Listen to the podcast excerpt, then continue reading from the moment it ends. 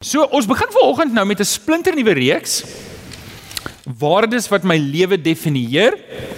En dis 'n 8 weke reeks. Ons gaan so 'n bietjie stil staan op hierdie tema. En um, wanneer ons praat oor waardes, dan praat ons oor die goed wat vir ons waardevol in ons lewe is. Nou eh, Jesus het dit ook gesê, waar jou skat is, daar sal jou hart ook wees. En dit is so. En ek kan vir jou baie maklik vra. Jy weet as as as ek met jou gaan begin gesels, gaan ek vinnig agterkom waar jou skatte lê.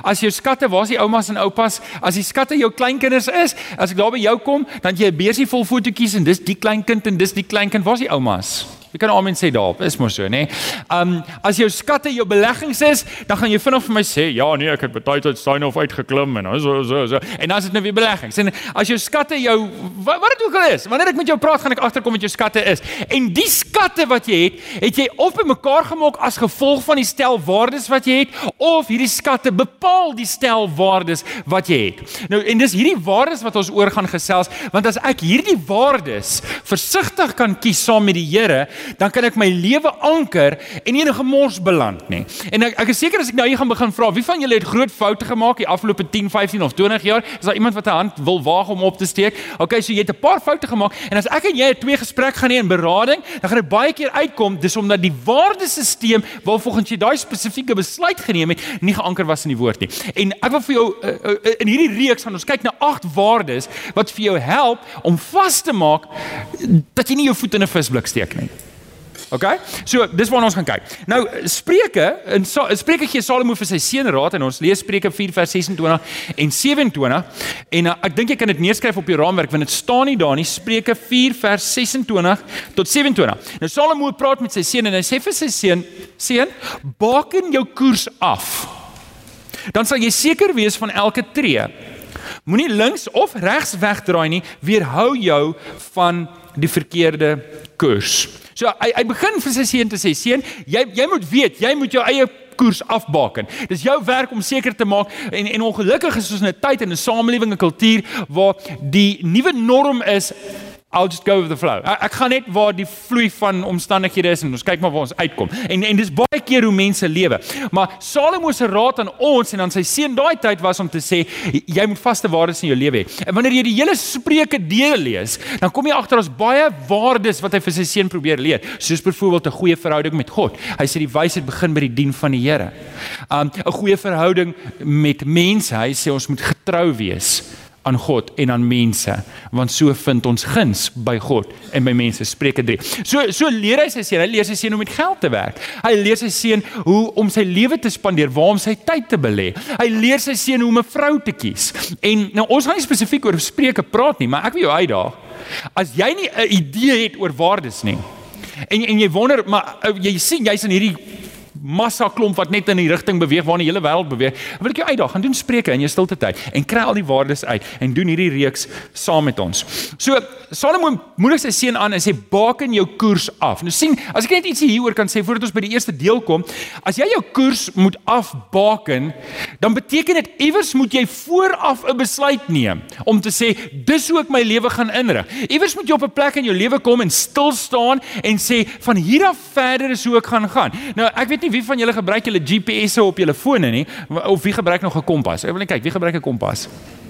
Daar's 'n oulike kompas app wat jy aflaai op jou foon. Ek het nie idee of dit akkuraat is nie. Ek het al dit gevang, dan spring my foon in die rondte om te kyk, maar ek kan nie onthou wat was die resultaat nie. Nou on, ons vat tog jy, jy besluit tog jou roete wat jy gaan ry. En net so baken ons ons koers af want en dis 'n groot waarskuwing. En nou wil ek gou-gou almal in die oë kyk. As jy daai besluit nie vooraf neem nie. As jy nie vooraf daai besluit saam met die Here en saam met ander gelowiges neem om te sê hier is die koers wat ek afbaken nie, dan gaan jy links en regs afgaan van die pad waar jy moes wees. sien as jy nie as jy nie daai waardesisteem ontwikkel ontwikkel saam met die Here en saam met ander gelowiges nie, gaan jy 'n ander waardesisteem ontwikkel saam met die wêreld. Dit gaan die default setting wees. Dit noem ons die vlees. Die vlees sal vir jou enige ding opdis. Ons al vir mekaar gevra, hoekom doen ons so graag sonde? Want dit is so lekker. Maklik, maar lekker is. Alex, ons min mense wat so eerlik kan wees soos jy. Okay, want want dit is so lekker. Ons doen son omdat dit lekker is. Dit is nie lekker was nie. Paul mens, as ek dit nie gedoen het nie. Wie sê amen daarop? Wie sal dit nou doen as dit nie lekker is nie? Okay, so as ek dit nie doen vooraf nie, dan gaan ek dit doen saam met die wêreld. As ek nie vooraf saam met die Here en saam met ander gelowiges my waardesisteem vasmaak nie, dan gaan ek dit op 'n Dinsdag aand doen met die inligting wat sewende laan my voer. Is jy nou geskok? Ek die eerste diens het gegaga, hoor. Ek ek is verstom dat julle niks doen nie. Okay. Kyk julle in die sewende laan nie trots op julle. OK. Ehm um, so as ek het, as ek dit nie doen vooraf saam met ander gelowiges en saam met die Here nie, dan gaan ek dit op 'n Sondagoggend doen met die inligting wat ek in die koerant lees. As ek dit nie doen vooraf saam met die Here en saam met ander gelowiges nie, dan gaan ek dit op 'n Vrydag aand doen by 'n braaivleis met twee glase ouros in. Okay, so julle is tog 'n bietjie wakker. En dis hoekom dit belangrik is dat ek dit vooraf moet. Nou hierdie reeks, jy kon amper hierdie boekie se um, se titel uitgehaal het, nê? Nee? En jy kon dit genoem het hoe om nie 'n verlore skaap te word. Jy onthou die verhaal van die verlore skaap, een het weggeraak en die herder het agter die een aangeloop. Jy kon hierdie boek dit genoem het. Hier is die goed in jou lewe wat daar moet wees om seker te maak jy word nie 'n verlore skaap of dan 'n verlore seun nie. Nou julle ouens, Ek glo dit as ons ons lewens inrig volgens die woord, as die woord ons lewenswaardesisteem bepaal, gaan ek nie my lewe so opmors nie. Dan gaan ek nie foute maak waar ek die heeltyd spyt is nie. Ek ek dink ons vertrou, Spreuke sê dit tog vir sy seun, ons vertrou te veel op ons eie insigte en te min op die Here. Partykeer is dit vir ons asof die Here se pad die moeiliker pad is om te loop. Dan loop ons die makliker pad en kry seer. Amen daarop. OK. So, kom ons gaan nou met dit. Ons kom by die eerste waarde vir oggend, 'n ware 'n ware verhouding met die Here. Dis vir ons waardevol om 'n verhouding te hê, maar dis nie net vir ons waardevol om 'n verhouding met die Here te hê nie. Dis een van ons waardes. Ek neem my besluite. Een van die groot bakens op my pad is my verhouding met die Here. Ek sal nie 'n besluit neem wat my verhouding met die Here in gedrang bring nie. Om die waarheid te sê, my verhouding met die Here is is is die geur van al my besluite. Ek neem nie 'n besluit wat enigsins teen dit kontrasteer nie. Verstaan julle hoe is dit 'n waarde? So die eerste waarde in my lewe en wat ons as gemeente as waardevol erg en wat vir jou 'n waarde behoort te wees is is jou verhouding met die Here. Nou volgende wil ek met julle gesels is hoe bou ek 'n verhouding met die Here? Nou kom ons lees saam in Markus 12 vanaf vers 28. Nou, as jy as jy die nuwe vertaling het, sal jy sal die opskrif daar wees die vraag oor die grootste gebod. En dan onder dit staan dan Matteus 22 vers 34 tot 40 en Lukas 10 vers 25 tot 28. Nou vir die van julle wat nie weet hoekom dit daar staan nie, daai is die ander gedeeltes in die ander evangelies waar dit voorkom. Ehm uh, ons noem dit die sinoptiese evangelies. So met ander woorde as jy hierdie selfde storie wil lees in die ander evangelies om te lees wat het hulle gesê en gaan doen dit by die huis, dan moet jy dit lees by Matteus 22 en Lukas 10. Nou, ek wil net vir julle gou-gou ehm um, hulle praat nou deesdae in fliekterme 'n spoiler alert. Dis wanneer jy iets sê wat eintlik die storie weggee. Ehm um, maar Markus sien iets anders raak. Markus onthou iets anders as wat Matteus en Lukas onthou. En en daar wil ek vanoggend 'n bietjie stil staan spesifiek wat hy onthou van hierdie gebeure. So kom ons val in ons lees. Vers 28. Een van die skrifgeleerdes het hulle toe redeneer en het nader gestaan. So net gou vir julle vinnig agtergrond gee.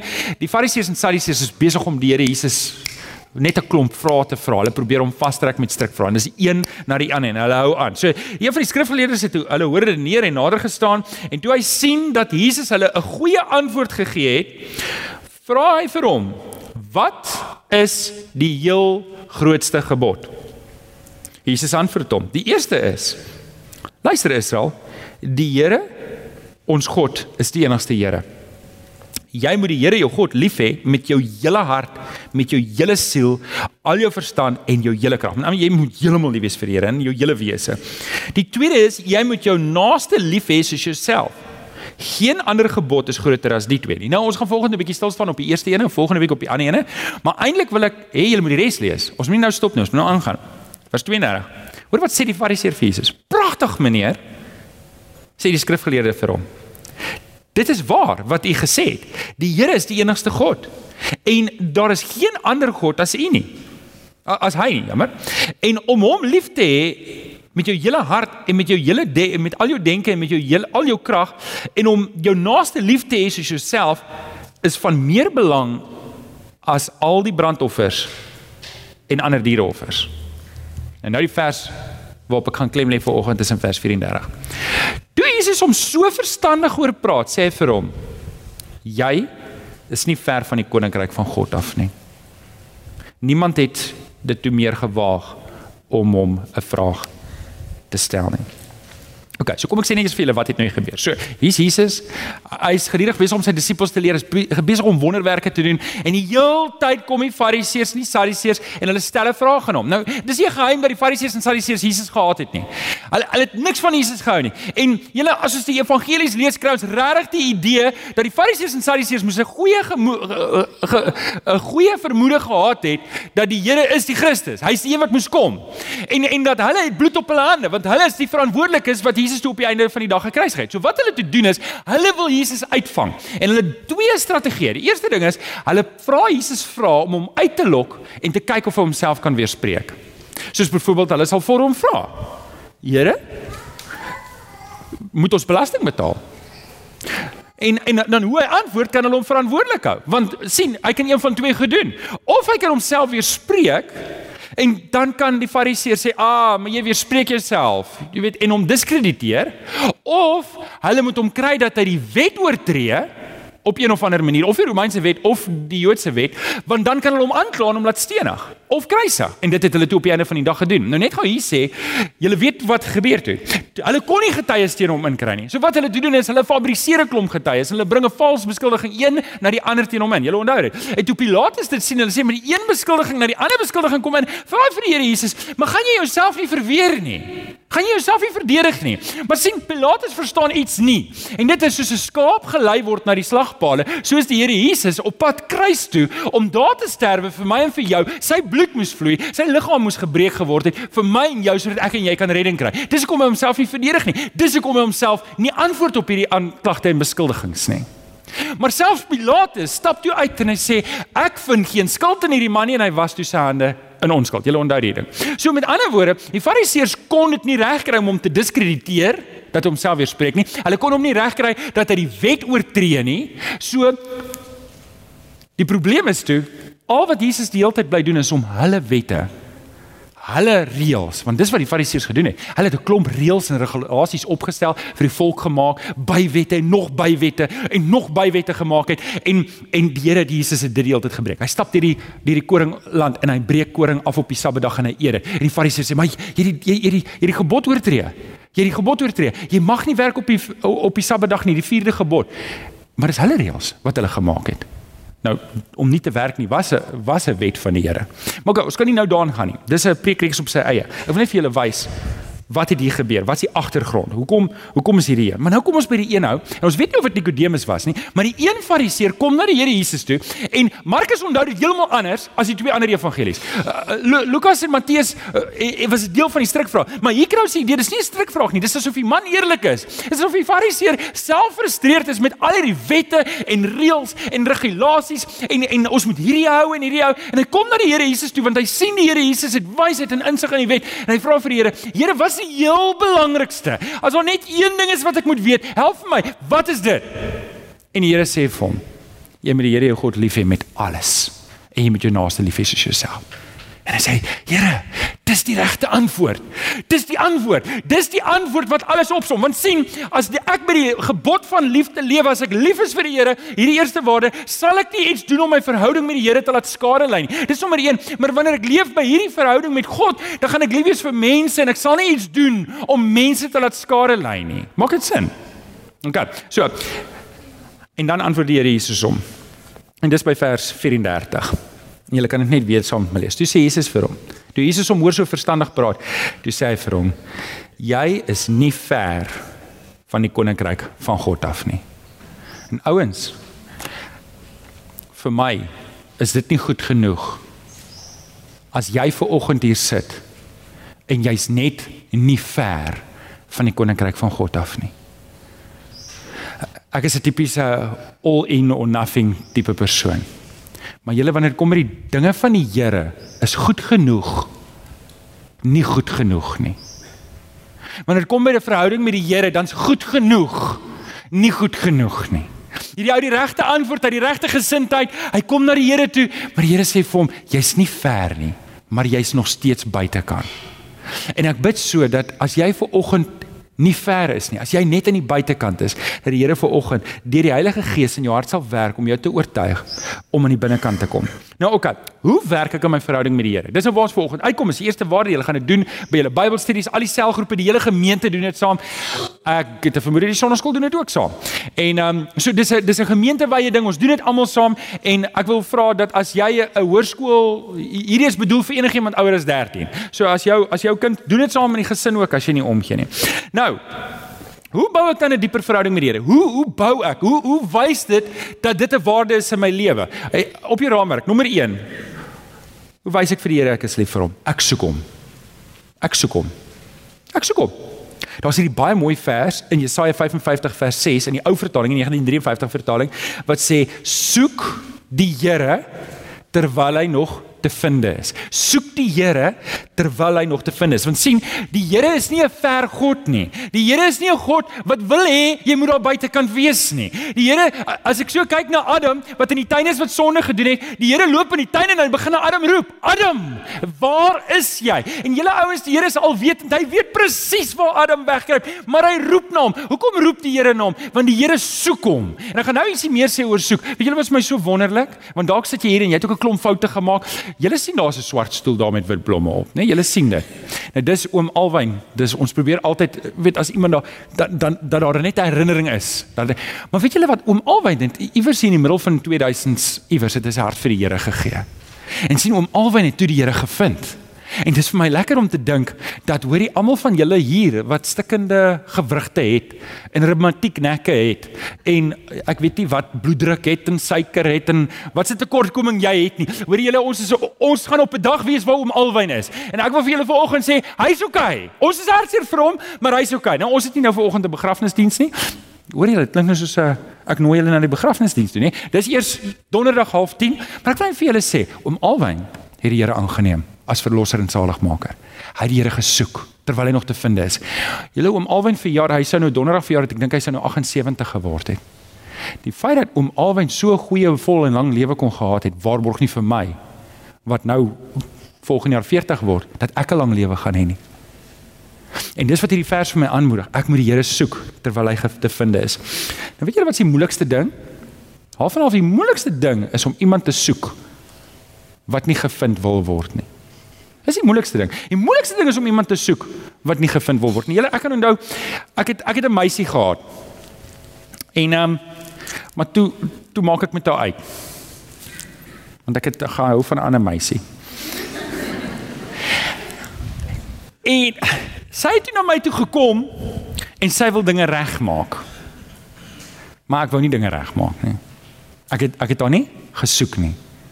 Ek het haar nie gesoek nie. Ek was klaar met daai verhouding. Nou voordat julle nou dink ek is nou die renoster in die verhaal of die monster in die verhaal, dat ander goed ook gebeur, moet nou worry daaroor nie.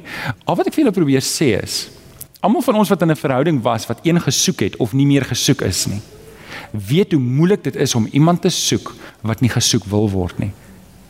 En ouens, dalk sit jy ver oggend hier en die Here soek na jou en hy roep na jou. Moenie die een wees wat nie te vind is nie. Wie is die ene wat roep, Here, hier is ek?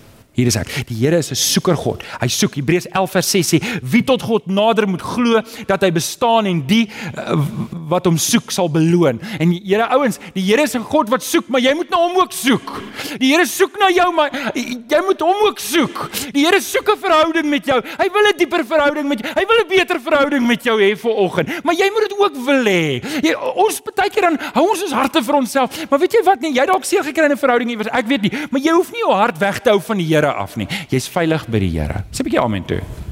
Die Here is 'n soeker God. OK, nommer 2. Hoe wys ek vir die Here dat ek lief is vir hom? Ek soek hom. Maar nommer 2, ek dien hom. Ek dien hom. In Psalm 100 vers 2 Alex is dit die verkeerde vers. Dis 100 vers 2. In Psalm 100 vers 2 staan daar dien die Here met blydskap kom voor hom met 'n gejubel. Altyd vir my interessant hoe mense vers kan lees en sê, "Ag, dis 'n mooi vers." Sonder om bietjie mooi te dink oor wat die vers sê. So dien, die woord dien, dien die Here met blydskap. Daai woord dien hou verband met om 'n slaaf te wees. Het jy geweet? Dit dit hou verband om met 'n slaaf te wees. Psalm 132 vers 2 sê soos die slaaf sy oog hou op die hand van sy Heer, so hou ons ons hande op U, Here. Ons is slawe van die Here. Nou nou kom ons lees die vers weer. Verbeel jouself jy's 'n slaaf. Dien die Here met blydskap. Ons moet die Here dien met blydskap. Nou Iets te sê oor slawe. Lukas 16 vers 13 sê hier is dit ook dieselfde gedagte.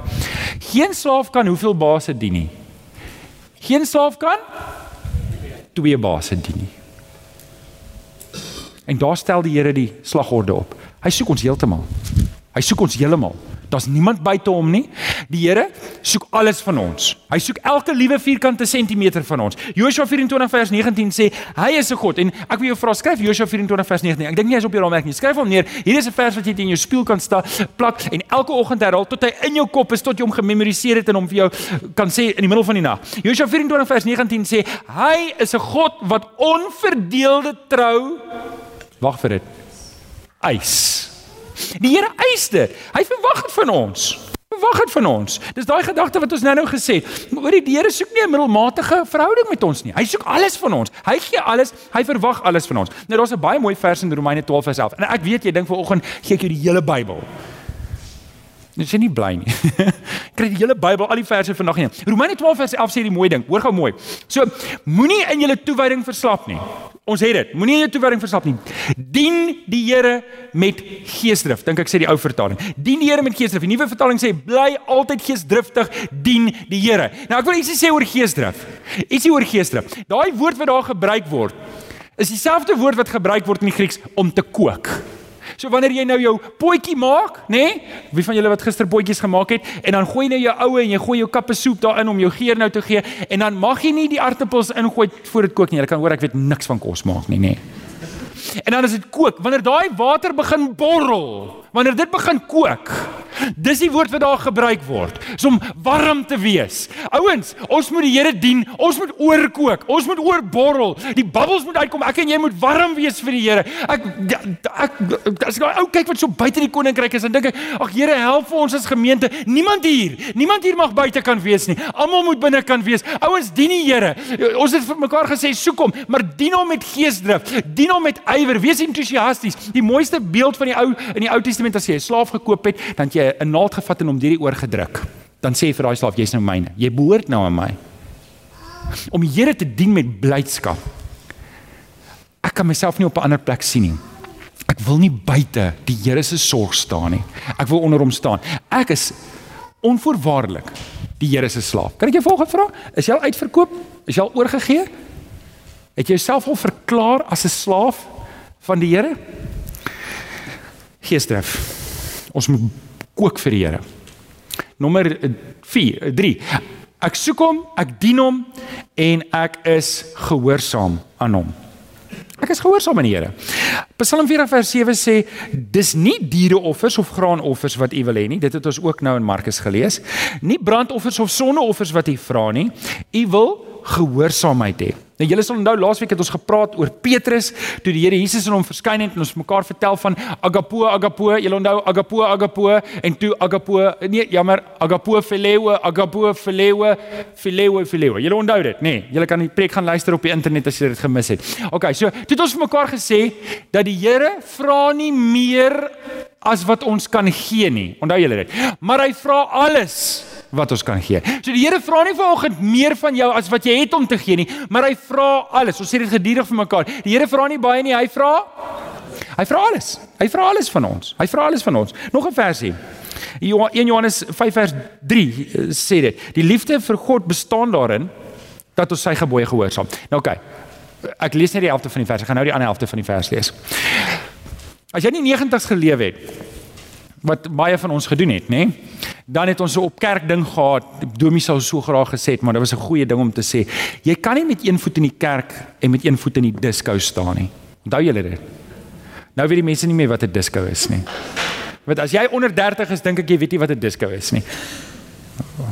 Maar ek kan nie hier sê nie. Jy sal my na die tyd moet vra. Luister wat sê die tweede deel van die vers. OK, so die liefde vir God bestaan daarin dat ek sy gebooie gehoorsaam. Gehoorsaamheid is 'n deel van my verhouding met die Here. Maar luister wat sê die tweede deel. Sy gebooie is ook nie moeilik om te gehoorsaam nie. Die Here se gebooie is nie moeilik om te gehoorsaam nie. sien, ek doen dit nie meer in my eie krag nie. Die oomblik toe ek tot bekering gekom het, die oomblik toe die Here Jesus my gered het, het hy sy Heilige Gees in my gesit. En dis die Heilige Gees wat my dring om gehoorsaam te wees. Ek wil nou die Here dien. Dis waarmee ons begin het. Ek wil nie iets doen om my verhouding met die Here skade te lei nie. Daarom ek gaan rol nie meer in die modder nie. Ek gaan doen nie meer goed om my voet in 'n visbit. Ek gaan soek nie moeilikheid nie. En dis nie omdat ek probeer vroom wees of probeer heilig wees nie, dis omdat ek probeer en leef om die Here tevrede te stel. Julle onthou lank terug het ek hierdie hierdie illustrasietjie gebruik van die huisgenoot wat um en ons praat nou van die mooi prentjies. Kom ons sê nou sê in die ou dae, nou jy het hulle mos die middelblad gehad. Dit was jou sporthelde daar gewees. Onthou jy? My muur was vol van die goed geplak. Maar kom ons sê nou sê ag ek weet nou nie wie se Hollywood sterre nie. Maar kom ons sê nou sê daar's Onthou hulle vir Murder She Wrote. Ja. En ehm um, en ek weet nie hoe oud is Sandra Bullock nie. Ek probeer net sommer name dink en vat nou hierdie prentjies, maar ek vat net vrouens en ek plak hulle daar teen my muur, maar mooi prentjies, nou nie lelike prentjies nie. Ek haal dit uit en ek plak dit teen my muur. Dink julle my vrou sal daarvan hou? Nee, sy sal sy sal dalk Arnold Schwarzenegger en uh, Tom Cruise en wie weet. Kyk, wat ek net vir julle probeer sê is ek is lief vir my vrou man. Ek gaan mos nie goed aanvang wat ons verhouding laat skade lei nie. Net soos ek lief vir die Here. Ek gaan nie goed doen wat my verhouding met die Here laat skade lei nie. Net so.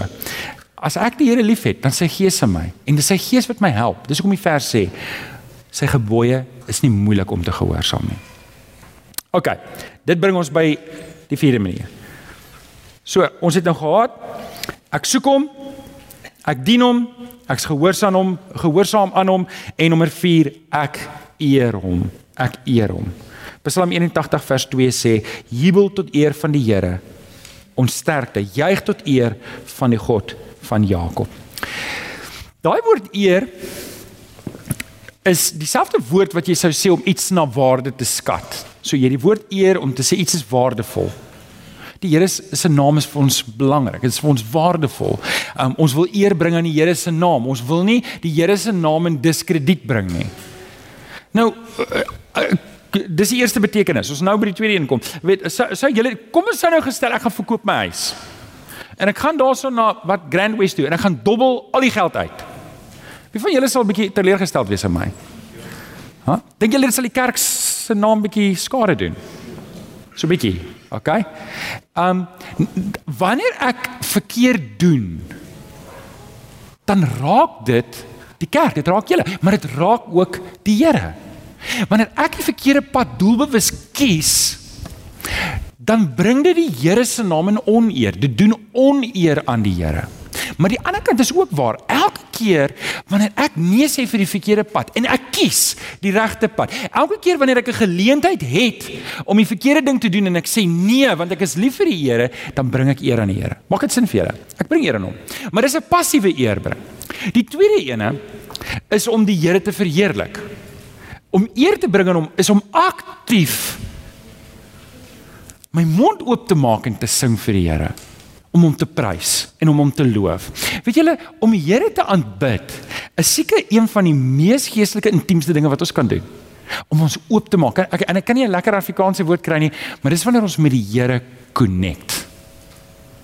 Wil jou vra, as ons hierso sing, is dit sommer net nog liedjies wat ons sing? Of connect jy met die Here? Is dit ware aanbidding? Dis een van die maniere hoe ons groei in die Here. Is wanneer ons onsself in in aanbidding oorgee vir hom en en sy naam groot maak en en die Here soek. Ons wil nie net ons wil op die passiewe manier eer bring. Ons wil nie die Here se naam in oneer bring nie. So ek lewe reg omdat ek lief is vir die Here en ek wil sy naam verheerlik. Maar ek doen dit ook deur my mond deur om hom te prys. In, in Paulus sê in 1 Timoteus 1:17 aan hom wat vir ewig koning is, die onverganklike, onsigbare, enigste God, aan hom kom toe die eer en die heerlikheid tot in ewigheid. Ons gaan nou die Here loof en prys en ken of julle kan maar so lank stadig opkom. Maar ek wil teruggaan na waartoe ons begin het. Want sien, hierdie laaste een om eer te bring aan die Here, jy jy gaan dit gaan vir jou sin maak om die Here te eer deur om jouself oor te gee. As jy net nie ver is van die koninkryk nie. Hier is die fariseer wat wat eintlik die Here soek maar hy staan nog buitekant. En vanoggend gaan ons nou die Here loof en prys. Ons gaan nou staan en ons gaan saam sing, maar ek weet dit mag dalk wees dat jy vanoggend hier sit en jy het nog nie daai oorgawe gemaak nie of tot goed in jou lewe gebeur wat maak dat jy toegemaak het en en nou nou staan jy buitekant. En ek wil vanoggend vir jou 'n geleentheid gee om net weer as jy wil, as jy iemand is wat sê Here, ek wil net weer oorgee. Ek wil nie in die buitekant wees nie. Ek soek U Here. Ek weet U soek my. U klop in my hart. Ek voel dit. Ek weet dit. Ek beleef dit binne in my. Maar ek wil oorgee. Ek wil nie vir myself hou nie. Ek wil vir jou bid. Kom ons sê dit oor met ons saam. Vader, ek kom loof en prys U naam. Ek kom eer die Here saam met die ander gelowiges hierso. My boeties en sissies in Jesus. En Here, ek kom vra dat U vir ons sal kom seën Here dat ons sal verstaan waarop dit regtig neerkom en en Here ek dink so na die man wat daardie dag vir U kom vra het, maar wat is die grootste gebod? Here asseblief vertel vir ons, wat is die grootste gebod? En toe hy die antwoord gekry het en daarop gereageer het, toe die Here Jesus vir hom gesê het, "Maar jy's nie ver nie." Here vanoggend is my gebed vir die manne en vroue wat dalk hier mag sit wat nie ver is nie, maar wat wil inkom. En ek wil kom vra Here dat U die werk deur die Heilige Gees sal doen. Die trekwerk, die soekwerk, die oortuigwerk, die veranderwerk. Kom raak ons aan, Here. As jy ver oggend hier is en jy sê maar weet dis ek, ek is die een wat buite staan en ek wil ver oggend weer terugkom. Dan wil ek vir jou bid.